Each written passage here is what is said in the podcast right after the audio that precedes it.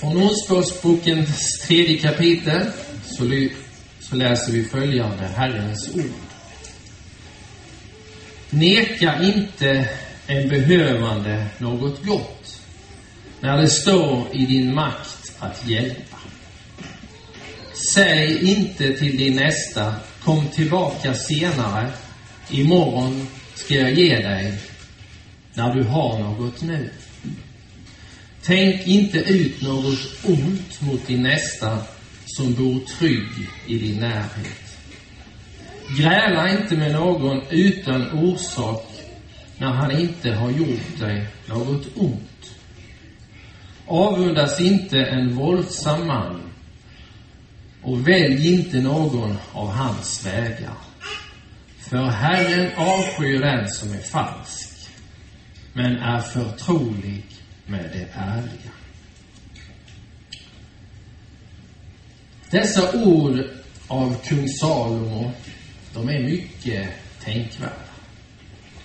Vi läser i Första Konungabokens fjärde kapitel att Gud, han gav Salomo vishet och mycket förstånd.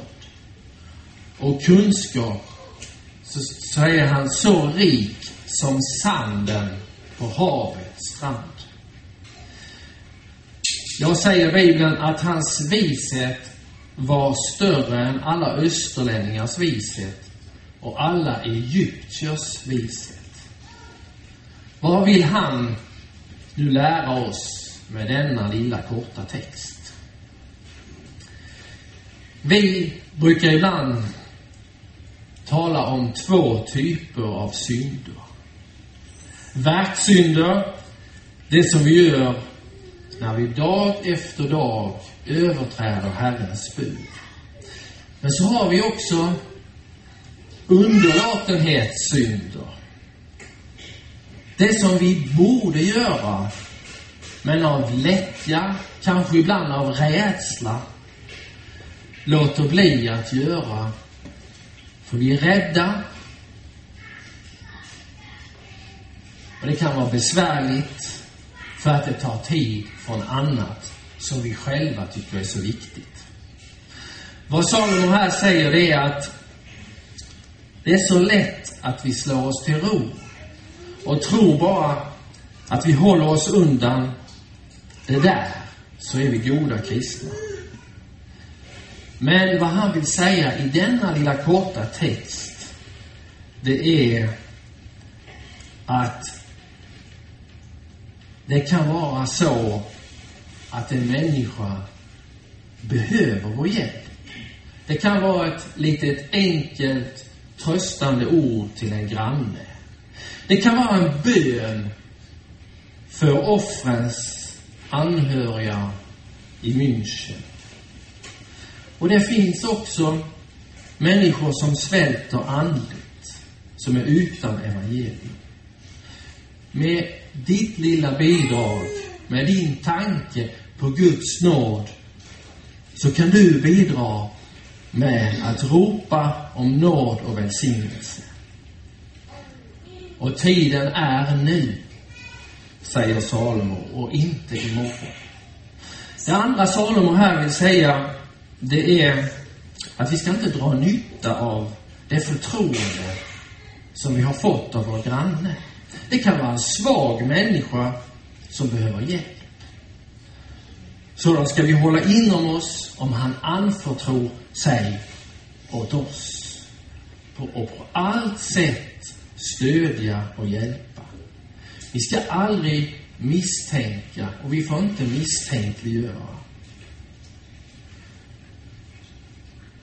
Frälsarens dyrbara kärlek gäller alla människor. Martin Luther han har också en förklaring till det åttonde budet som är så viktigt. Vi ska frukta och älska Gud och inte ljuga om vår granne, förråda honom eller ge honom dåligt rykte. Utan försvara honom, tala väl om honom och ta honom på ordet och på bästa sätt hjälpa honom. Istället för att riva ner så ska vi bygga upp vänskapen. Eller som det så fint heter i katekesen, tänka och tyda allt till det bästa. Vår episteltext hämtar vi från Efesierbrevet där Herrens ord lyder så. Men det är inte så ni har lärt känna Kristus. Ni har hört om honom och fått undervisning i honom enligt den sanning som finns hos Jesus. Därför ska ni lämna ert gamla liv och lägga bort den gamla människan som går under, bedragen av sina begär. Låt er förnyas till ande och sinne och klä er i den nya människan som är skapad till likhet med Gud i sann rättfärdighet och helighet. Lägg därför bort lögnen och tala sanning med varandra. Vi är ju delar i samma kropp. Grips ni av vrede, synda inte. Låt inte solen gå ner över er vrede. Och ge inte djävulen något tillfälle. Tjuven ska sluta stjäla och istället arbeta och göra nytta med sina händer, så att han har något att dela med sig åt den, åt den som behöver.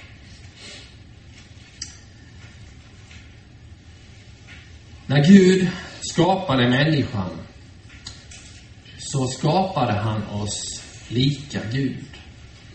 Det läser vi hos Mose. Och det absolut största som vi kan säga om människan, det är att hon är lik Gud. Och så stor var Guds tanke om oss alla som sitter här. Han skapade människan, läser vi, till sin avbild och en innerlig gemenskap med sig själv. Men vad var det som hände? Att vara en avbild, det var inte tillräckligt för människan. Hon ville vara själva bilden. Att bli som Gud, det var det som frestade Eva, som hon inte, och som hon inte kunde motstå. Profeten Jesaja säger, var och en av oss ville vandra sin egen väg. Och Paulus han säger att när människan trodde sig vara vis som Gud, så blev hon en dåre. Detta misstag, som Paulus skriver från människan, krävde en ny skapelse och en födelse till som kunde förnya den gamla. Och detta säger Paulus, sker genom Kristus. Som är den nya människan och den sanna avbilden. Det sker i dopet. Där skedde den nya födelsen för dig. Den som är döpt i Kristus har iklätt sig honom, lagt av den gamla människan. Därför kan också Bibeln säga det, det som har blivit till med Kristus, det är en ny skapelse. Och för att nu inte gå under så behöver vi, du och jag, dagligen förnyas. Och det sker genom Guds gode ande som varje dag och varje stund leder ditt liv, styr dina tankar in i hans ord. Och lär oss att vända oss bort ifrån det onda. Låt er förnyas till ande och sinne, skriver Paulus. Då sker detta som han kallar ett under i oss. Att vi lägger bort lögnen och talar sanning till varandra. Vi ger inte djävulen tillfälle att åter erövra vår dyrt återköpta och återlösta själ. Lyft era hjärtan till Gud och hör dagens heliga evangelium. Evangelisten Lukas skriver så i sitt tolfte kapitel från den 42 versen.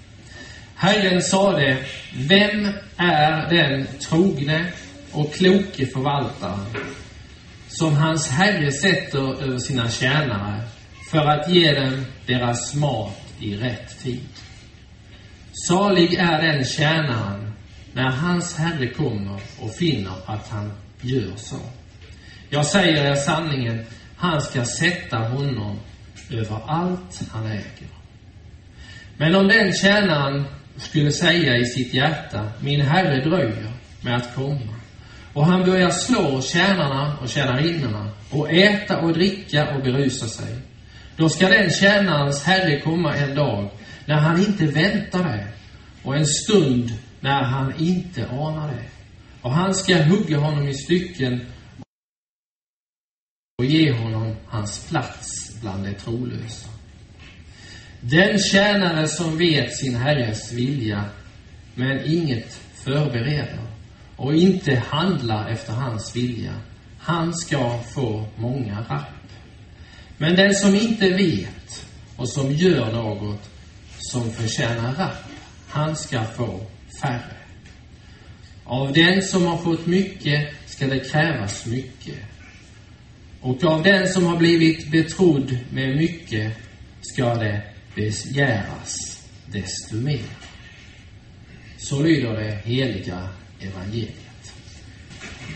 Aposteln Jakob, han skriver i sitt fjärde kapitel Den som förstår att göra det goda men inte gör det, han syndar. Det är mycket enkelt och det är mycket tydligt. Den som inte förstår att göra det goda, men den som förstår att göra det goda men inte gör det, han syndar. Synd är alltså inte bara att göra det som strider mot Guds vilja. Det är också att låta bli att göra Guds vilja om man känner det. Det är det den här evangelietexten vill säga. Det är också att låta bli att göra Guds vilja. Om man känner det. Sådant är, säger den heliga skrift, att illa förvalta sin kunskap. Var och en som har kunskap om Guds vilja, som vet hur man ska handla för att handla rätt, har, säger den heliga skrift, fått Guds vilja att förvalta. Vad innebär det för oss? Vi har Guds ord, vi kan läsa vad det står och vi ska följa Guds undervisning.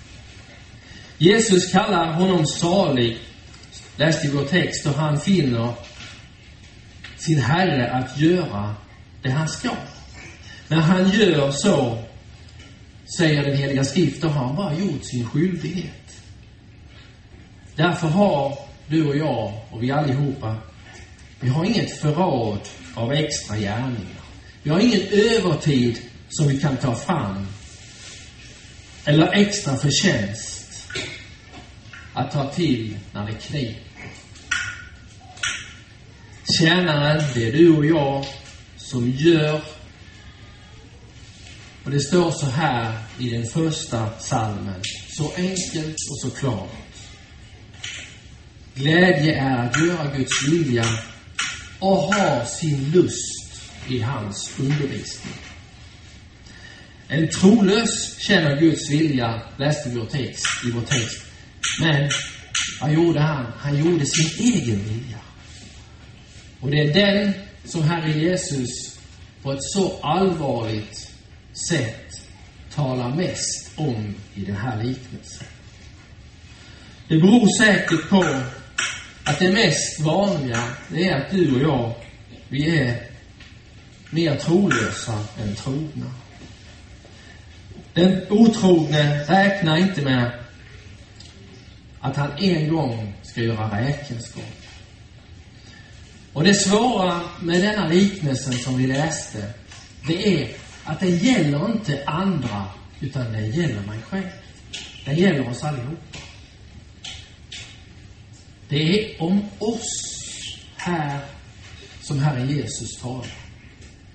Vi vet och vi känner alla Herrens vilja. Och det är precis där som vår förvaltning av ordet börjar.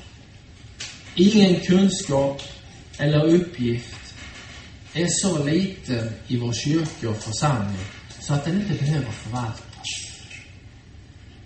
Gud har i sin godhet gett alla oss gåvor. De kan se ut på olika sätt. De första gåvorna, de fick vi i dopet. Du som sitter här förvaltar Guds vilja i ditt liv. Och hans vilja, vad är Herrens vilja mot dig? Det är att du ska bli frälst och komma till kunskap om sanningen. Det är Herrens vilja om var och en av oss.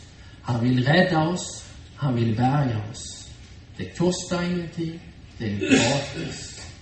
Han gör det av nåd för Kristi skull. Han vill inte att någon av oss ska bli efter på vägen. Gud, han har kallat oss till sin tjänst. Han har tagit oss till sin verksamhet här på jorden. Och det är inte bara i kyrkan det här gäller, utan det är på din arbetsplats, där du har fått din uppgift att förvalta. Att du gör det uppdraget, det är Gud behagligt. När man spikar sina spik eller sågar sina brädor, eller när man drar sina rör, eller sälja sina saker. Allt är en gåva som vi har fått av Gud själv.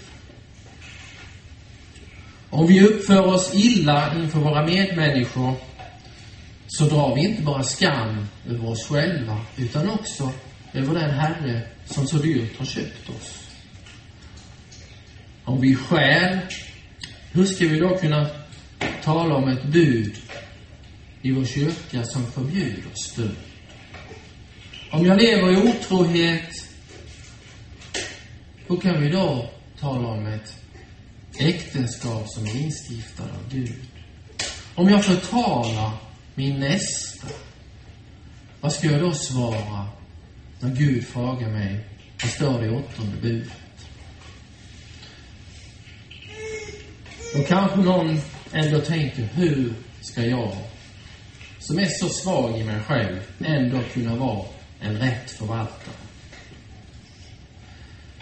Jesus, han ger oss inga stora eller höga krav.